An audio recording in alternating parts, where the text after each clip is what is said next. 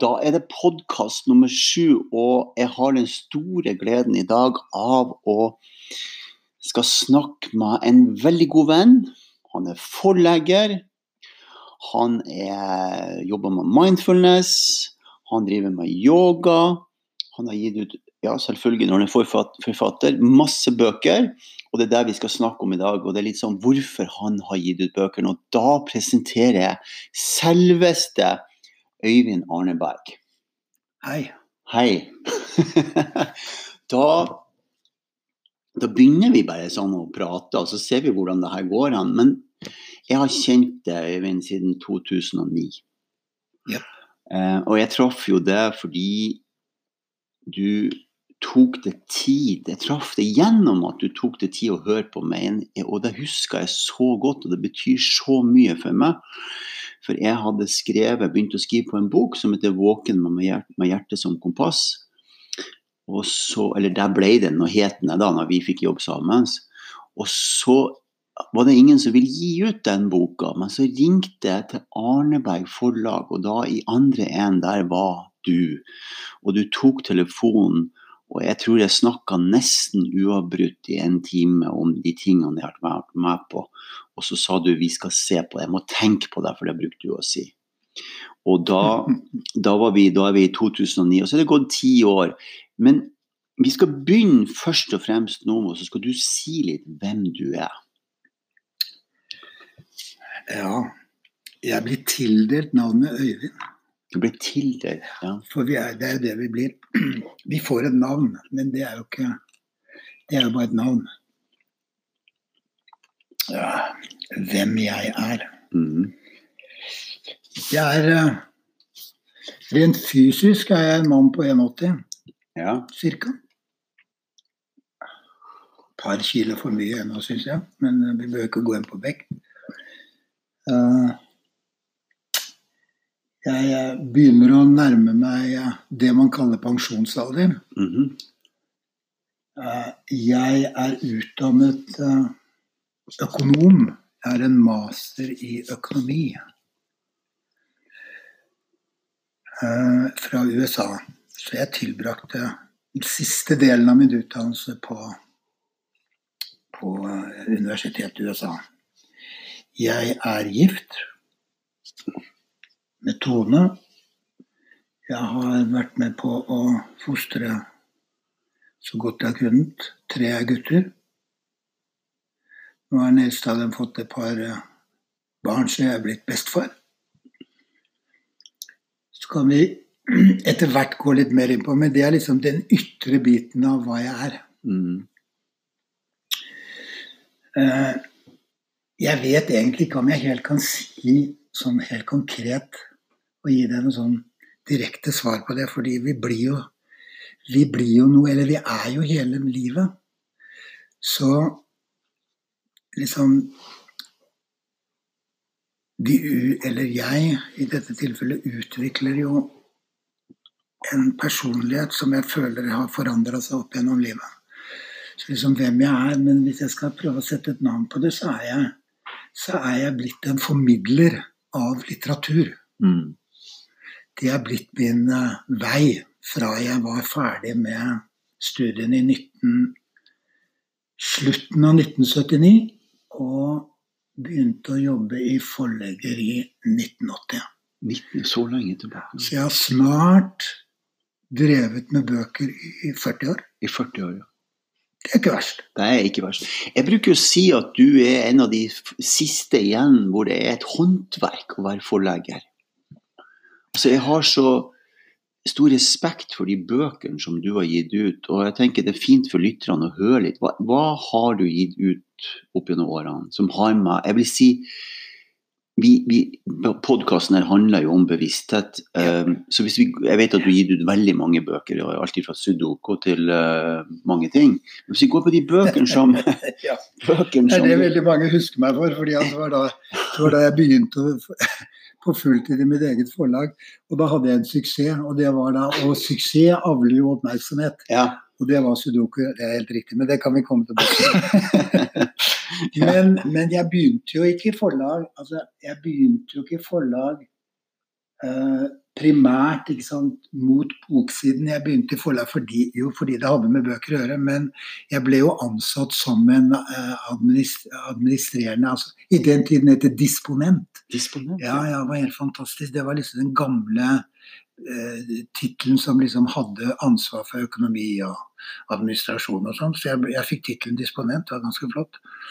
Uh, og, eh, men, da, men det var da jeg det var da jeg på en måte forsto etter hvert, da. Selv om de hadde mye rare bøker i Grøndal og sånn som jeg begynte med alt fra flue, fluefiske til og fluebinding til, um, til uh, Norges lover, for å gå liksom hele veien. Så det var inne med det, der var det mye rart. Men det var et eller annet som fascinerte meg veldig fort ved forleggeriet. Ja. Um, og det som gjorde, tror jeg, som fikk en sånn ekstra ja, start, det var og Det er en ganske morsom historie, da, fordi da hadde jeg vel jobbet i, jeg hadde jobbet ca. et år. Altså, og så fikk jeg en venn, jeg, mannen til en av redaktørene i Grøndal og Sønn, som het Tor Larsen, var isbjørn. Isbjørnforsker og hadde, hadde overvintret på Kong Karlsland og var, var en av årsakene til at isbjørnen faktisk ble fredet. Uh, og det ble jeg med jeg ble med han i den anledning opp til Tromsø, hvor han holdt på å bli lynsja. Men det, det, er da en annen sak. Men ha, vi satt sammen, og så snakket vi om at han hadde vært i isen. Og så hadde han hatt med sønnen sin, og så ble vi enige om at vi skulle lage en barnebok som het 'Espen i isen'. Og det var rett før man hadde bokmesse, fordi hvert år er det bokmesse i Bologna. Barnebokmesse.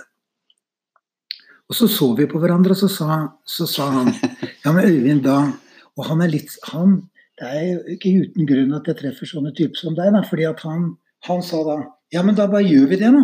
Ja. Da tar jeg og lager en synopsis, altså noen sider om boken. Så tar jeg med meg et sånt lite lysbildeapparat, og så tar jeg med meg lysbilder. Og så drar vi til Bologna og så prøver vi å selge denne boken til utlandet. Vi hadde ingen avtaler. Vi bare dro til Bologna. Fløy ned til Milano, tok toget, kom på jernbanen, gikk noe sted å bo, fant et sted å bo, og dro ut på messa. Wow! Ja. Og, det var, og var, det var, da i 1981. Og da var jeg, eh, var jeg 27. Ja, 27 år. Og så, så fantastisk historie. Ja, ja, og veldig morsom. Vet du, fordi at det som skjer, da, det er at vi går rundt på denne messa. Og så spør vi om å få avtale. Og han Tor Larsen han er en sånn, han er en sånn Lars Monsen-type. Ja.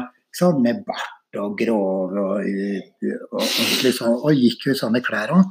Så alle ble jo sjarmert av han. Så kan du si at jeg, jeg var jo, jeg så jo ikke gæren ut, jeg heller, akkurat da. Så det, det, var liksom sånn to karer som kom. Han da godt eldre enn meg, han er vel begynner å nærme seg 80 år nå. Men i hvert fall så får vi avtaler, da. Med sånne agent, altså andre forlag som stiller ut, som er interessert i dette prosjektet. Og vil gjerne høre mer. Så vi får en del avtaler. Og det som skjer mens vi holder på liksom da, Vi får ikke da sette oss ned med en gang, men vi gjør da avtaler litt utpå dagen og på neste dag. Men mens jeg går rundt i hallen der, da, så er det en som stopper meg, og det er produksjonssjefen i Bokklubbens Barn. Og i Bokklubbens Barn den gangen, det var over 100 000 medlemmer oi, oi. i den klubben. Så han spør da hva driver, dere, hva driver du med, Eivind? For han visste hvem jeg var. Jeg hadde hilst på ham. Så vi prøver å selge et prosjekt, og det prosjektet skal hete 'Espen i isen'. Ja? Og så sier han ja, men da må du jo snakke med redaktøren i Bokklubbens Barn, sier han. Og så sier jeg ok, ja vel.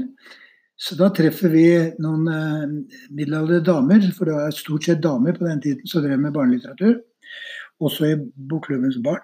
Så vi får da møte dem og, og presenterer. Og så spør han eh, Klarer jeg ikke å huske navnet hans, men spiller egentlig ikke noen rolle med en nydelig type. Men så sier han ja, hva skal dere i kveld, da? sier han. 'Nja, jeg vet ikke. Ja, men da blir, blir dere med oss ut og spise. Ok.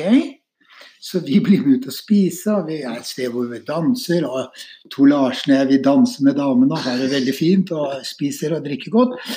Og så nå kommer jeg tilbake litt sånn da vi liksom skal gå, og så tar han der produksjonssjefen og blunker til meg, og så sier han dette går nok bra, sier han. Så tenker jeg ok, hva mener du med det? Ja, det snakker vi om i morgen, sier han. Ja, så gjør vi det, og så har vi mange andre møter. Så møter jeg, han, eh, møter jeg Bokklubbens barn dagen etterpå, og så sier jeg ja, denne boken skal vi ha som hovedbok, sier Oi, det. oi, oi. Og så sier jeg hva betyr det? Ja, det betyr 50 000 bøker. Det var mye på den gangen. 50 000 50 000 bøker. er mye i dag bare- òg, da. Au, Jeg bare hake, fikk hakeslepp, ikke sant.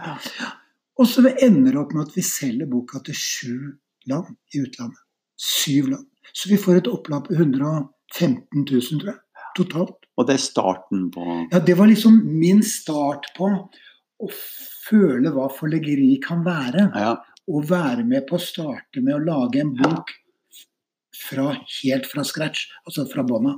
Men du, vi- skal komme inn på flere bøker, Ja. men er det som jeg er interessert i, da, er jo nå em, Hva er det som gjør at du får til det du gjør? For du har fått til så mye og så mange bøker. Men det tar tid. Fordi etter hvert som jeg da begynte å fortsette i forleggeri, så kom jeg inn i et annet forlag etter hvert som fikk navnet Aventura. Og da, det de drev mye med, der var det, jobbet jeg stort sett sammen med Blindern. Blindern eh, student, eh, mennesker med, med hovedfag i filosofi og idéhistorie og, og alt sånt noe. Og jeg var jo økonom, så jeg ble jo litt behandla på den måten òg. For, fordi at eh, ofte så er det slik at da må du lære deg Da, da er det sånn Hva kan du, da? Ja, Litt. litt. Og jeg gikk nok i den fella at jeg kanskje lot som om Mm. jeg kunne mer enn jeg egentlig kunne. Den feilen er jo ofte man kan gå i, og jeg gikk nok litt i den, ja. Tok, eller liksom la på litt mer enn jeg burde. Men i hvert fall det løste seg. Men da fikk jeg innblikk mer og mer inn i en type litteratur som fascinerte meg. Både skjønnlitterært og fag. Og jeg kan vel heller ikke stikke under et stol at når man, hvis du har en barndom som gjør at du er igjennom litt angst og litt lure på faktisk hvem du er. Hadde du angst? Ja.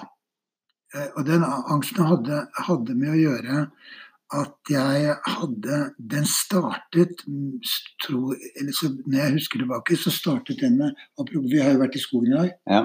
Jeg hadde en far som elsket å gå i skogen, og det måtte vi barna gjøre Og Jeg likte det egentlig ikke, for han gikk aldri på oppgåtte stier. Han gikk alltid utenfor stiene, og jeg visste aldri hvor jeg var.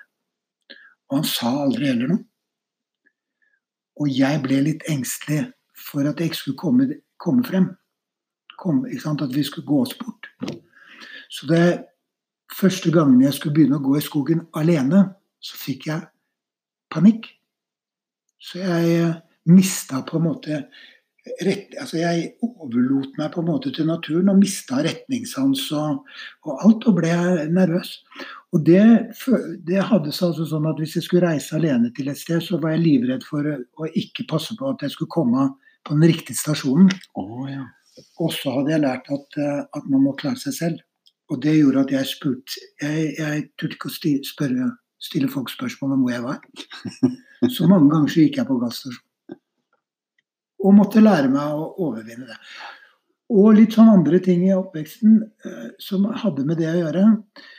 Eh, men så var jeg heldig at jeg var veldig god i idrett og sånn, så det kompenserte. For en av mine sønner var også heldig på den måten at han også ble veldig god i idrett, så han kunne kompensere på den måten. For han hadde litt andre Ulrik. Ulrik, ja. Eh, Men det fører til at du blir interessert litt i hva som foregår eh, inni deg. ikke sant? Jeg skal bare ta en liten sånn, eh, så lytterne skjønner. Ulrik er sønn til eh, Øyvind, som dere hører. Og Ulrik han har spilt i Eliteserien i fotball i Norge i lengre tid. Avslutta i Mjøndalen Ja.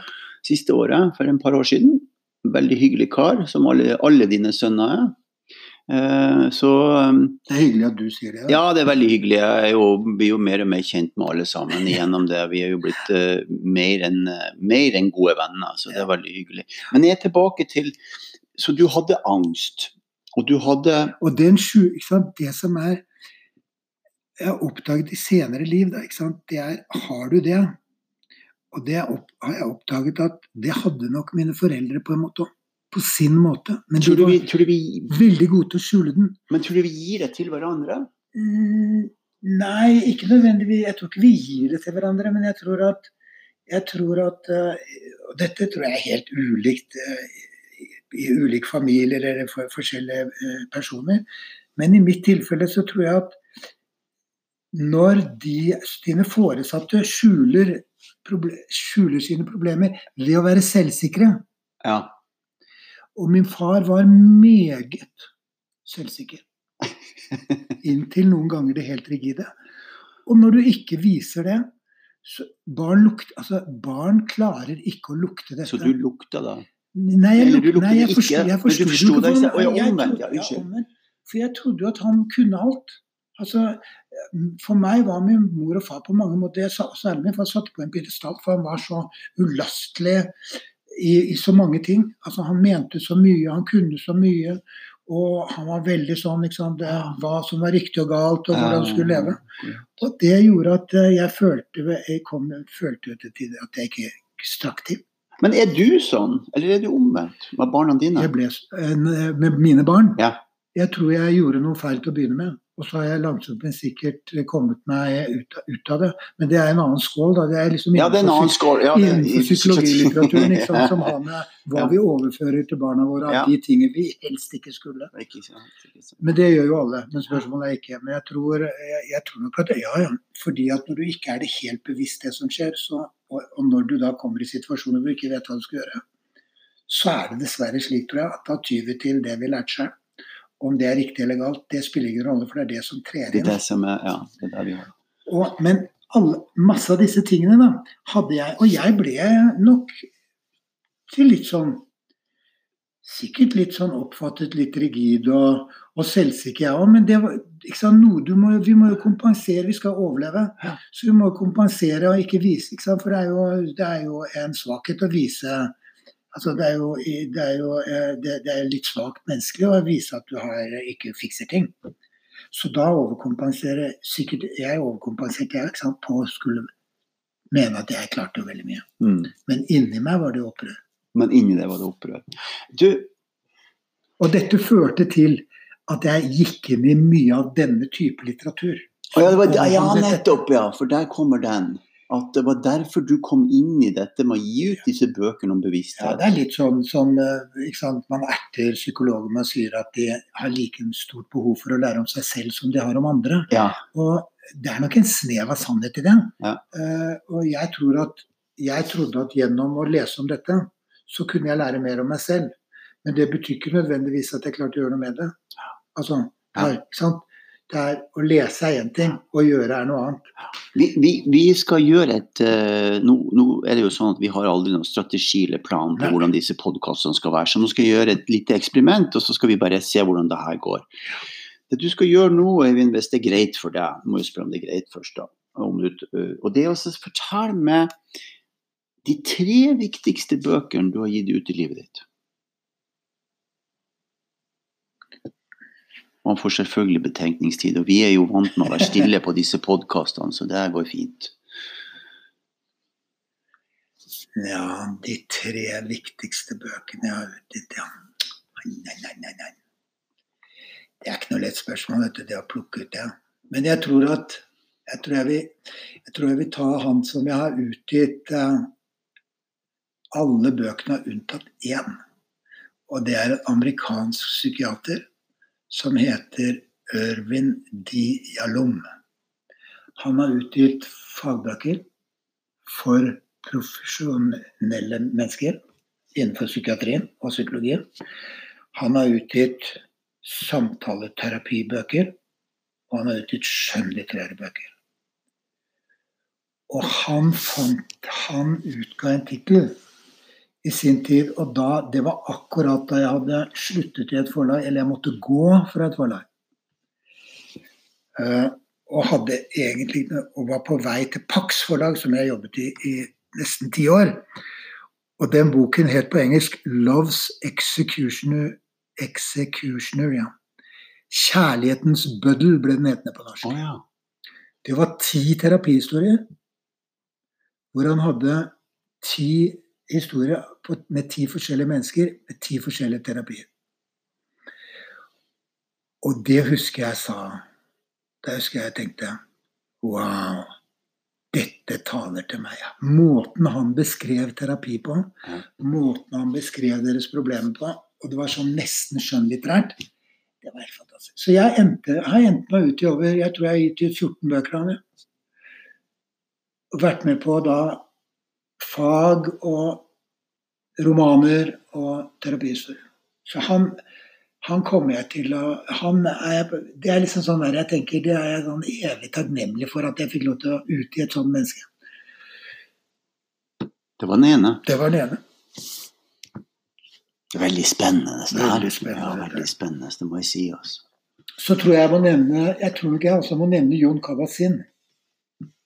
Ja, Liksom når du skal vel- vel- be meg stemmer det. Han var jo på her i Norge, og vi hadde, han var jo, du hadde foredrag med han, og jeg var hørte på han. Ja, si Men litt. det, det, var, det var en bok jeg fikk anbefalt av en svensk forlegger. Du må si hvem Jon Kabat-Zinn er for noen først. Ja, Jon. Kabat-Zinn er, er en lege i, i Bonn.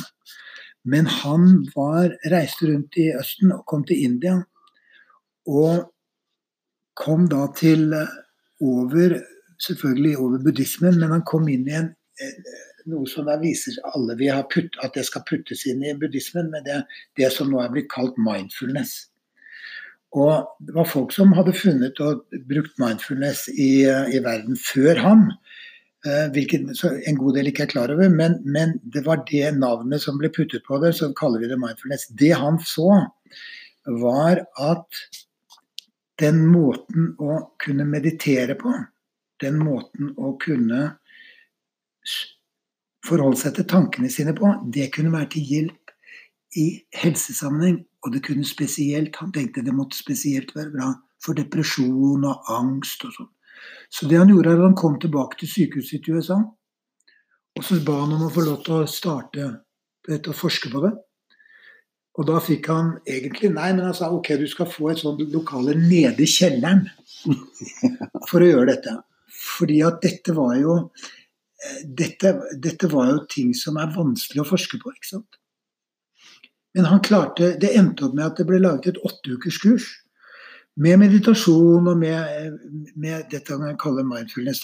Det heter egentlig MBSR, men det sånn faggreier og sånn er ikke nødvendig å komme på her. Men i hvert fall, den boken jeg leste het 'Hvor enn du er, der er du'. Ja.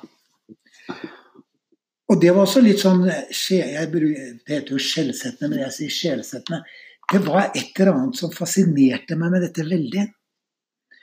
Og det, for å komme tilbake når du spurte liksom hvilke typer bøker du så jeg tror jeg det er det Når man holder på forleggeri og det blir et håndverk, så må du stole på din egen evne til å vurdere. Og du må stole på at det du, eller det som jeg da leser, det, og, og har affinitet til meg, kan bety noe for meg, kan bety noe for andre. Så det ble min ledetråd. At hvis jeg likte det godt, og det var skrevet etter min mening godt, så Affiniteter, men du tiltrekning. Ja. Påvirkning. Ja. Ja. Da ville jeg ta sjansen på å gjøre det. Så på slutten så lagde jeg aldri et budsjett. Jeg bare tenkte denne boken skal ut. Ja. Men det har gått, det har jo, gikk jo etter hvert ålreit bra. Men i hvert fall, den boken, da. Det var starten på og da var, Det var starten på å utgi mindfulness i Norge. ja. Og så han har jeg, han er også da utgitt en del bøker av, og han har jeg da utgitt hovedboken hans som heter 'Livets katastrofer', som Ja. er en svær bok på Svær 500 sider. Ja. Akkurat som Jalom har en svær bok som heter 'Eksistensiell psykoterapi'. Ja. Det er sånne bibler nesten, men de er fantastiske. Og de har jo du fortalt meg at de må du lese, Morten. Ja. Hvis du skal forstå Ja. grunnleggende hva du driver med, så Ja. må du lese det. Så der anbefaler vi alle lytterne de, de to bøkene. Det er, viktig, det er viktig å få med seg. Ja, Og så er det den siste, Ja. det var den andre. Men da må jeg, da må jeg ta med skjønnlitteratur, fordi at faglitteratur er flott, altså, og, og, og alt sånt noe, men det er skjønnlitteraturen som kan virkelig gi deg innblikk i bl.a. hva det vil si å være menneske. Ja. Og da er vi kommet til tredje boka. Tredje. Ja. Og der er det i grunnen innenfor skjønnlitteraturen har jeg jo mange, har jeg flere favoritter, men jeg skal velge en som, som, også var noe som er jo en drøm for alle forleggere. Det er jo det er å kunne utgi en bok som, hvor forfatteren får nobelprisen i litteratur. Oi, oi, oi, oi, Ja. Ikke sant? Det er jo en drøm. Det, det er jo stort sett en drøm som ikke alltid går i oppfyllelse. I hvert fall ikke for en økonom. Ja. Men så hadde det seg slik at jeg var, fra jeg var ganske ung, så var jeg veldig interessert i etableringen av Israel. Og palestinernes og israelernes skal vi si, hva som har skjedd med dem, og utvikling og, og, og konflikten, og hva som har skjedd, og prøve å forstå det, ikke å prøve å forstå eh, jødene og palestinerne hver på sin måte. Men i hvert fall, det jeg ble opptatt av, det var jødeutryddelsen under den annen verdenskrig. Ja. Det leste jeg mye om. Og så ble jeg også, for jeg hadde gode venner i, jeg har en del sånne, hatt en del sånne gode venner i utlandet, særlig i Skandinavia. I Sverige og Danmark spesielt. Så var det en svensk forlegger som sa Øyvind, du må lese en bok av en, en ungarer som het Imre Kertes. Så gjorde jeg det, og da ble jeg også blåst. For det var det verste. Det var det mest Altså, det var så levende og fryktelig beskrevet en ung guds skjebne i Auschwitz. Oi, oi, oi. Og den var jo på mange måter selvbiografisk, eller den er selvbiografisk, men det var en roman.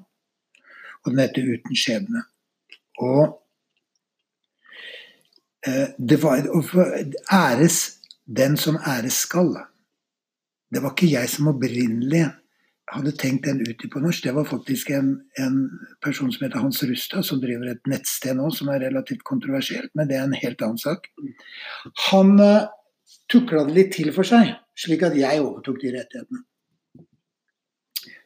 Men han hadde veldig, altså veldig teft og gjort andre ting også. Men det, var, jeg, det endte opp med at jeg fikk ut i det i Norge. Og jeg visste jo, ikke sant. Jeg tenkte ok, dette er Men det var, den boken er Altså skal man lese om en skjebne fra Auschwitz, så skal man lese den boken. Eh, men i hvert fall Det som skjer, er at jeg er i Frankfurt. Den store messen i Frankfurt som er i oktober hvert år. Den skal være nå Mm. veldig snart igjen. Så husker jeg jeg kom litt senere på messen og gikk gjennom en sånn stor åpen plass vet du, med bygninger rundt. Så det er liksom sånn firkant, et kvadrat inni der. Så husker jeg det var nydelig vær, så gikk jeg mine egne tanker gjennom uh, barken. Så plutselig er det en, et menneske som kommer Når jeg begynner å nærme meg der hvor, hvor, vi, hadde, hadde utstilling av bøker og sånn, Pax-forlag, så, så er det som kommer løpende og sier Vet du hvem som har fått nobelprisen i litteratur? For det ble veldig ofte annonsert der nede. Ja, ja, ja. Så sa jeg nei, det, nei, det visste jeg ikke. Hva? sier de. Ja, det er Imre Kertes, sier hun. Og da sier jeg som eh, man sier noen ganger på godt norsk, kødder du, eller? Det tror jeg ikke noe på, altså. Ja. Men da jeg kom inn i hallen, så kom den svenske forleggeren, og han var helt han var grå, han? Det var gledestårer, for han hadde fulgt denne forfatteren lenge.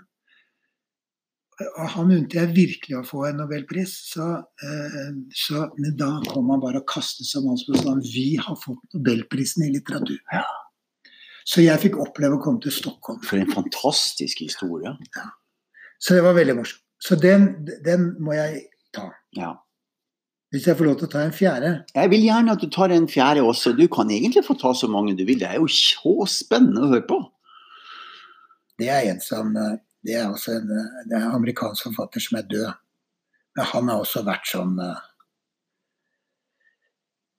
Som jeg kan lese og lese og lese. Han heter Philip Roth. Ja.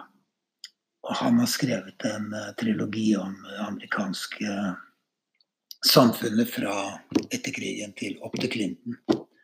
Hvor Monica Lewinsky-saken starter med den siste boka.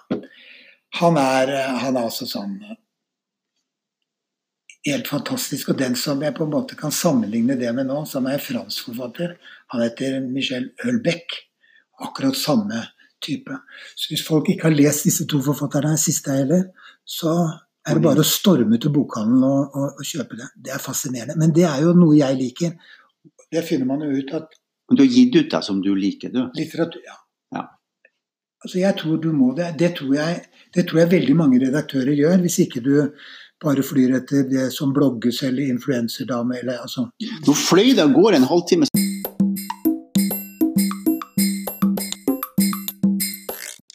Ja, det ble veldig sånn eh, Det var så spennende å høre på det, Øyvind, at jeg fikk nesten ikke trykka på knappen her. For at podkastsystemet som jeg bruker, Ankor, det er sånn at det er en halvtime av gangen. Så vi har lagt på en liten pause, eh, trudelutt, og så er vi i gang igjen. Men du var på du var på eh, tredje boka, hvis vi bare sier hvem, hvem den var igjen. Det var Ja, det var den eh, han som fikk nobelprisen i litteratur. Stemmer det. Men, men så ser vi på hverandre i pausen, Ja. og så sier du ja, men jeg har en viktig til, jeg må ta en viktig til. Ja. Det hører med liksom med hele historien med Kabats... Altså, og det hører litt med historien til deg òg, vet du. Fordi hvis du hadde kommet til meg i dag med den samme boken, så hadde jeg sagt nei. Ikke nei til boken som sådan, men nei til at vi må skrive den på en litt annen måte. Men det som fascinerte meg med deg, det var at du hadde gjort noe som andre ikke hadde gjort så hadde du gått gjennom en prosess i livet ditt som var Som fortonet seg for meg som så voldsom og egentlig så fantastisk i og med den ulykken du var utsatt for, og hva du på en måte da begynte å se tilbake på og fremover på. Og hva du begynte å erkjenne ved deg selv. Og så tror jeg vi begge to har sett på hverandre flere ganger og sagt det er dette vi må holde på med hele livet. Det er på en måte ikke noe vi gjør av og til. Og det kan vi komme litt inn på senere også, hva, du, hva som fascinerer meg ved deg. For meg, det er jo nettopp at du har fortsatt å leve det du prediker. Og det, det er vel noe som har kommet eh, i godt voksen alder for meg, at det er det som også er fascinerende med livet. da. Det er derfor jeg skal komme inn på han vi skal snakke om nå. Og han kom inn i mitt liv etter deg. Og hans navn er Viggo Johansen. Og det som var interessant, det var jo at i noen år så hadde vi sånn bokfestival i, på Karl Johan med telt. Og så hadde jeg stilt ut halvparten av et telt, så var mine bøker. Må jo ha lov til å si mine. og så var jeg ute, men da var det veldig mange mindfulness-bøker, bl.a. med Jon Kabat-Zinn og en del, eh, en del andre bøker også, som hadde med dette å gjøre. Og litt psykologi og sånn. Men da kom det inn en, et menneske, kvinne, som kom inn i teltet, og så hadde hun, de som var der, sa hun hadde bare stått og sett rundt i teltet, så sa hun her finner jeg alt det jeg trenger, sier henne. Og hun jobber da med på noe som heter Primæren, hvor de hjelper folk med, som er med rus. Og hun bruker nå mindfulness og Viggo Johansen. Og noe som heter ACT, som jeg også har utgitt som er et fjerdegenerasjons kognitivt verktøy. Men Det skal vi ikke snakke om nå, men det er en del av det som også hører med til det jeg driver med. Men i hvert fall, hun venter da til jeg kommer tilbake. Og så snakker vi sammen, og så sier hun 'du må møte Viggo Johansen', sier hun. Oi, så spennende. Og så sier jeg 'nei, det trenger jeg ikke, for jeg kjenner Viggo Johansen', sier jeg. Uh, gjør du det, sier hun. Ja, jeg har, og jeg har utgitt bøker med Viggo Johansen. Han i NRK, sier jeg. Nei, nei, nei, det er ikke han Viggo Johansen, det er en annen Viggo Johansen. Og jeg begynte, holdt nesten på å si for han jeg Viggo Johansen jeg kjenner, han driver ikke med det. Men det er en digresjon, og jeg jo, elsker jo digresjoner. Det er jo at Nå har jeg snakket med Viggo Johansen igjen om noe annet. Om faktisk en bok jeg utga for mange mange år siden med ham. Og nå har jogge meg fyren begynt med yoga. Så det er interessant. Men da var ikke yoga som var. Men i hvert fall, hun sier du må treffe Viggo Johansen. Og så sier jeg ok. Vi avtaler, og hun ringer nesten der og da til Viggo og avtaler at vi skal møte på Halvorsens konditori. For dette her er altså en annen Viggo enn den Viggo som er NRK, så Jep. vi er klar på det. Helt klar på det. Ja. De har ingenting med hverandre, men de skriver navnet sitt på nøyaktig samme måte. Ja. Og der er vel det, det, det er vel det de har felles. ja. Men i hvert fall uten forkleinelse NRK Viggo Johansen. Men i hvert fall så treffer vi hverandre på Halvors konditori, og så sier, så sier hun Siv, som hun heter, sier Viggo, kan ikke du fortelle om livet ditt, sier hun. Han er ikke så gammel, denne mannen. Og så ser Viggo på meg og sier ja, skal jeg det? Ja, ja, det skal du, sier jeg. Det er jo derfor jeg er her. Og så begynner han å fortelle om livet sitt. Men det han gjør, vet du, det er at han begynner å fortelle om at han altså ender opp med å bli munk nede i India. Og hører på, treffer Dalai Lama, hører på han og meditere og holde på. Så da blir vi enige om Da ser jeg på han så sier jeg Ja, så snakket vi om mindfulness, og jo, så han ble jo da veldig fascinert. Ok, driv, holder du på med det? Ja. Så da ser jeg på han så sier jeg, da kan du skrive en norsk bok om mindfulness, da. Sier jeg til han. Ja, så det skal jeg gjøre. Og da gjør han det, og så fletter han sitt liv litt som du altså, ikke sant, gjør det. Han fletter sitt da relativt korte liv, en del av det, inn i den boken, pluss at han skriver om hva mindfulness egentlig er. Ikke bare at det folk tror det er, nemlig å sitte og puste litt med og tenke på pusten og meditere. For det er en mindfulness er i seg selv noe mye mer enn det. Akkurat som yoga er mye mer enn fysiske øvelser. Det er en filosofi. Men det er helt Liksom, så da gjør han det, og den boken heter da 'Indre stillhet'. Og Så lager han en bok til som heter 'Stille vitne'. fordi da er det betydningen som du kjenner godt, Morten. Det er hva vi gjør med kroppen vår, og hvordan vi sitter når vi mediterer. Også. Men dette er veldig viktig for meg, fordi at, og det er derfor jeg sier det med deg, da, at jeg begynner da å Veldig mange av de andre bøkene jeg har utgitt, er oversettelser av en del folk, men, men, det jeg nå får fatt i med mennesker, det er de som har levd livet de, Altså levd ut det de faktisk skriver om. Og det blir mye for meg. Så jeg, sant, da får jeg enda mer lyst selv til å gå mer inn i det. Så det gjør at jeg, jeg særlig altså har, Jeg har jo vært med deg om på en del tid, men jeg begynner da å, å meditere litt. og jeg er ute i bøker om yoga, så jeg begynner å drive med dette litt og se hvilken betydning dette har. Ja, for Viggo driver også med yoga? Viggo driver med yoga, og han er jo nå truffet en som utdanner seg veldig i yoga. Ja. Og han driver jo med retreater i Italia og andre steder ja. med dette, akkurat som du gjør med, med, med dine ting. Så, dette... Hva er det for noen ting med han Viggo sitt vesen som gjør at du blir Um, fordi det er jo noe med deg, Øyvind, som er in, kanskje fra denne siden av bordet spesielt. Ja. Det er jo at du blir jo veldig god venn med de som du har et dypere forhold til, virker det på som. For meg så virker det sånn. Ja, men det tror jeg det er. Så, er, så spørsmålet ja. Det ene spørsmålet er hva er det med Viggo? Så kommer jeg med neste spørsmål etterpå. Ja, men Det er litt av det samme. At du sier at vi har kjent hverandre i ti år. Det er litt av det samme. at Det var et eller annet som jeg er jo, det er som du sier, du bør ikke stille meg så mange spørsmål. for Hvis jeg først kommer inn på ting jeg liker, så kan jeg snakke ganske mye og ganske engasjert om det. Men jeg har nok lært meg, begynt å lære meg etter hvert en evne til å lytte til det folk sier. Fordi det er du nødt til for å være forlegger. Så må du lytte til det folk kommer med. Så hva var det han kom med for noen ting? Han kom med en ekthet. Ja. Og det gjør du òg. Ja. Så det var, det var, verdt å lytte til. Mm. Og jeg ikke sant, Det er sånn Særlig for meg er det også sant, For veldig mange er det fascinerende å lese om andres liv som du ikke lever selv. Sant? Det er veldig mange som ikke klarer å gjøre det. En del ting som veldig mange andre gjør. Og så leser vi om det, og så lever vi oss inn i det. Og det er, det er gode liv, det. Men det er noen som liksom gjør det de lever. Mm. Og Viggo var ekte, og du er ekte. Og så gjennom Viggo så treffer jeg Vigdis Karbarek. Ja. Og hun er vel det jeg kan kalle eh, ekte som bare det. ikke sant? Hun har jo skrevet bøker som er tatt fra eget bare fra eget bryst.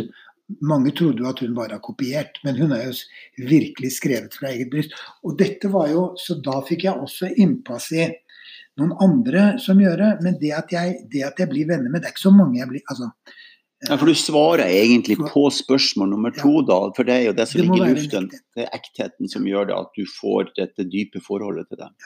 Og da vil jeg ha, da er klart at da vil man ha noe mer av det, men det er selvfølgelig utfordrende. For du skal både på en måte være profesjonell, for du skal jo ut i bøker, samtidig som man skal ha et vennskap. Og da kommer jo mye av det vi har snakket om. ikke sant? Det, og som man må lære seg i livet, det er jo at det er en fordel etter hvert å bli ærlig. Ja.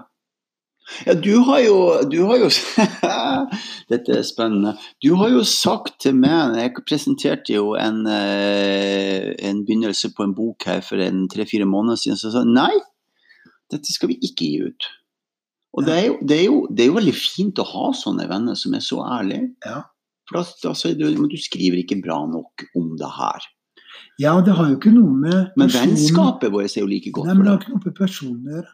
Det er bare at Noen ganger så er det jo slik at vi behersker ikke alle områder. Og noen Ja. ganger vil vi gjerne noe som ikke passer bedre. Og, og, og, og hvorfor bruke en haug med tid på noe som kanskje ikke ble så bra som man ville? Ja. Men, men det er jo fryktelig, for man sitter jo med en form for makt. Man sitter sånn Mm. Nei takk, det vil jeg ikke. Og, det måtte jeg lære meg om, det å kunne si nei. Ja.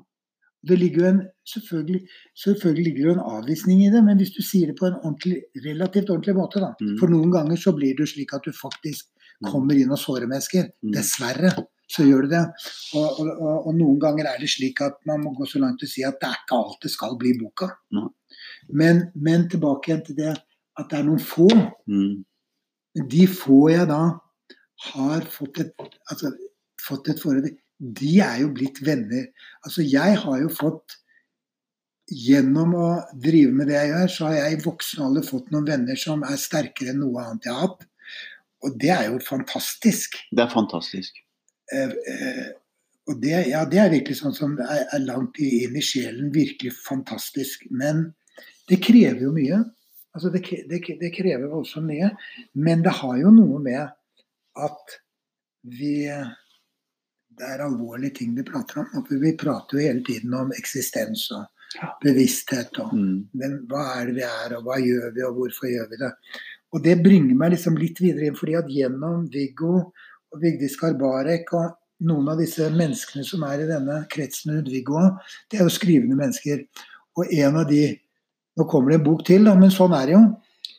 Eh, det er jo at nå til neste på, eh, på nyåret så skal jeg ut i en bok av en av disse vennene til Viggo, som også er filosof. For Viggo er jo også filosof, i tillegg til det andre.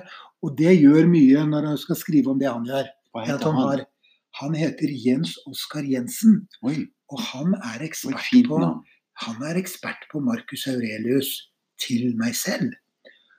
Som kanskje kommer ut i serie etter hvert. Men han skal ut i bok om stoikerne. Og stoikerne er det mye å lære.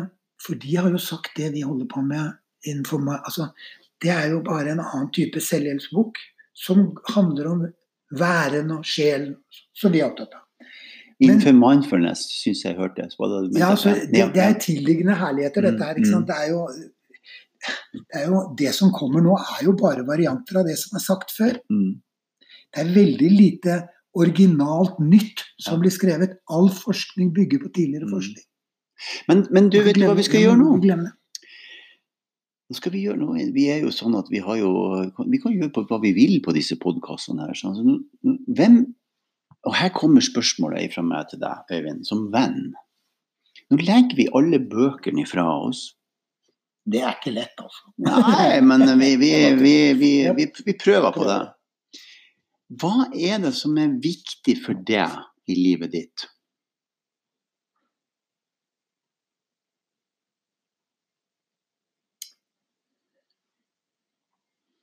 Det er Det er å leve et godt liv. Og hva legger jeg i det? Det jeg funnet, det jeg etter hvert har funnet ut, er at det er aldri for sent å endre noe. Kan bli nyttig, altså. Jeg Det som er viktig for meg, er at når jeg forstår at jeg sannsynligvis ikke skal ha lenger bevissthet, eller altså være fysisk til stede i denne verden, så, jeg, så har jeg tenkt på hva som kan liksom stå på, på gravsteinen. Hva har jeg lyst til at skal stå der? Og det driver jeg og fomler med. Men jeg vil veldig gjerne at det skal stå at jeg har vært et, uh, en ålreit utgave av menneskeheten. Og for å være det, så må jeg klare å leve et ærlig liv. Og med ærlig liv så mener jeg ærlig overfor meg selv. Altså Og det betyr at de få som er Altså de nære relasjonene jeg har, de må jeg pleie. Fordi, og jeg lever sammen med en psykolog. Kona mi er psykolog, og hun er, hun, vi har utgitt bøker sammen. Jeg beklager at det kommer det av bok blir nevnt, men det har, med, det har noe med nære relasjoner å gjøre. Og altså På en måte, når man ikke har så mye familie, så er disse barna mine de eventuelt barna mine altså det, og venner, det må Det er første altså pri utover det at jeg alltid kommer til å ha den hangen til å skulle ut i ting som jeg finner og tenker dette må andre vitne om. Men det må være altså Det må ha et innhold, og med det må det være det, altså, Hva var det Vigdis Skarbarek har sagt? At livet er en lek i det dypeste alvor. Og det er det det må være. Altså, Leken må være der, men livet er alvorlig. Og det å være og eksistere som menneske er alvorlig. Altså, det er, det er alvorlig å leve. Og, og det, det, er det, viktig, det er litt viktigst for meg. Det er hva jeg eier og har. Det betyr mindre og mindre. Hvor mye penger jeg har i banken, eller hva det er, det betyr mindre og mindre. Uh, og når du da også ser hvordan vi holder på i verden, og forbrukere holder på, så begynner jeg å forstå hvorfor unge mennesker begynner å skrike høyt. Og da kommer vi liksom til dypet av det som er viktig. Det er at vi må finne ut av vår eksistens. Altså, hver og en av oss må finne ut av hvilke verdier vi vil leve etter, og hva det vil si å eksistere som menneske og hva, hvilken mening det er i det å leve. Og det, det, det er på meg på en måte det viktige i livet. Altså. Det, er blitt sånn, det er blitt sånn presserende viktig, faktisk. Jeg går, og, jeg går og titter i så mange varianter av skrifter og sånn, så det bobler litt i huet på dette området. fordi at jeg Apropos sant, det å kunne uttrykke det. Bare, så, hvis du ja. bare stoppe litt. Det som skjer nå, det er at det er litt sånn tårevått i øynene på ja, Øyvind Arneberg. Og han er litt rød i ansiktet. Han er en flott mann, han har grått hår og sorte briller og er veldig godt trent og i god form. Det er veldig nydelig å se. Det er sånn, jeg vil bare så lytterne skal formidle, for, formidle hva jeg ser for noen ting når jeg er sammen med deg. For du er jo et ytterst kjærlig menneske innerst. Du er en fantastisk person en av de varmeste menneskene, ærligste menneskene jeg har møtt noen gang. Jeg har aldri møtt noen som er så direkte mot meg hvis jeg gjør noen ting som jeg ikke burde gjøre. Og de setter så enormt pris på at du er sånn som du er. Det er helt fantastisk å få altså voksen et, vi, har jo et, et, vi har fått et forhold i voksen alder. Ja, ja. Og væremåten din og påvirkninga du har på meg når jeg har dager hvor ikke jeg forstår sjøl hva som skjer med meg, eller inni meg eller utapå meg, og jeg snakker med deg, så hadde du bare visst hvor mye du viser veien til meg. I hvert fall så vil jeg si deg nå, høyt her på den podkasten, hvor mye det betyr i livet mitt etter jeg traff deg. Da blir jeg enda litt mer eh, våt i øynene. Så fantastisk. Er det noen ting Vi, skal, vi nærmer oss en avslutning, Øyvind. Er det noe mer ja, du har lyst til å si? Nå, ja, men Hva har du lyst til å si for noen ting til slutt? Jo, da skal jeg Det må handle om bøker til slutt. For det, det må det. 40 år, jeg, er, det er 40 år av livet mitt. Vi snakker om Jeg er altså 65 år. ikke sant? 25 år var jeg da jeg begynte. Og, så da er blitt livet. Skrevne ord er blitt livet mitt. Og så jeg av, Det viktigste er at jeg får avslutte forleggerigjerningen min med en ny serie som Jeg skulle starte da jeg jobbet i Pax, som ble utsatt for Ja, det er, det er en lang historie kort. Det ble utsatt. Men nå lager jeg en ny serie som et bibliotek som får navnet Livets bibliotek. Er ikke flott? Ja. Verken mer eller mindre. Og der, vet du, der kommer jeg til å ta ut klassiske tekster som er borte. Men og med klassiske tekster så betyr det at det er tekster som lever uavhengig av tid. Som er så bra skrevet, og innholdet er så godt at det tåler tidens tann. Og det kommer, og det kan, hvis da jeg, lykken står meg bi, så kan det hende at jeg får fortsette på dette en god stund. Og det liksom kan bli et bibliotek på 30-40 titler etter hvert. Det kommer fem. Og den utga Unnskyld, nå fikk jeg litt sånn Det går bra. i halsen her. Men det handler om eksistensialisme. Ja. I litt bredere betydning. Så det handler om det vi snakker om. Men for meg er det helt fantastisk. vet du. Det er uh, Det er fascinerende å se på en mann Hvor, hvor gammel sa du du var? Even? 65. Du er 65. Så vital og så levende og så sprudlende som du er. Men man, det er jo ikke noe annet å være når man får lov til å drive med det man er Ja. ekstremt glad i. Og ha flotte folk rundt seg. Ja. Nå sitter vi her i uh, Holtekollen, og eh, sønnen din sitter og hører på, og tårene dine triller, og uh, dem er helt avslappa. Når jeg sier dem, så er det fordi han Markus som skal være med og filme på Pilegrimsturen, som du skal være med og gå noen dager på i vinter, og Kasper som er teamsjef, eh, eller kjø- kjøresjef er her, og Andreas. Hvordan har du det nå? Selv om tårene ikke triller, så er det noen i øyekroken. Men det er jo fantastisk, det er fantastisk å? Andreas er her, som er min yngste sønn, og det er jo bare det å gjøre ting sammen med sine barn på denne måten her, det er flott. Ja. Neste helg skal jeg ut med han eh, fotballspilleren og ta båten med han, så skal vi fiske litt, og så skal, vi, skal jeg dytte han litt, da. På eksistensen. Så bra. Ja. Og med det så sier vi tusen Og vi sier vi, for jeg tror jeg har med meg alle lytterne i dag. Vi sier tusen millioner takk for alt det flotte vi har fått hørt på i dag i den podkasten. Det var helt sensasjonelt bra. Tusen takk. Øyvind. Like måte. Ha det bra, alle sammen. Ha det godt.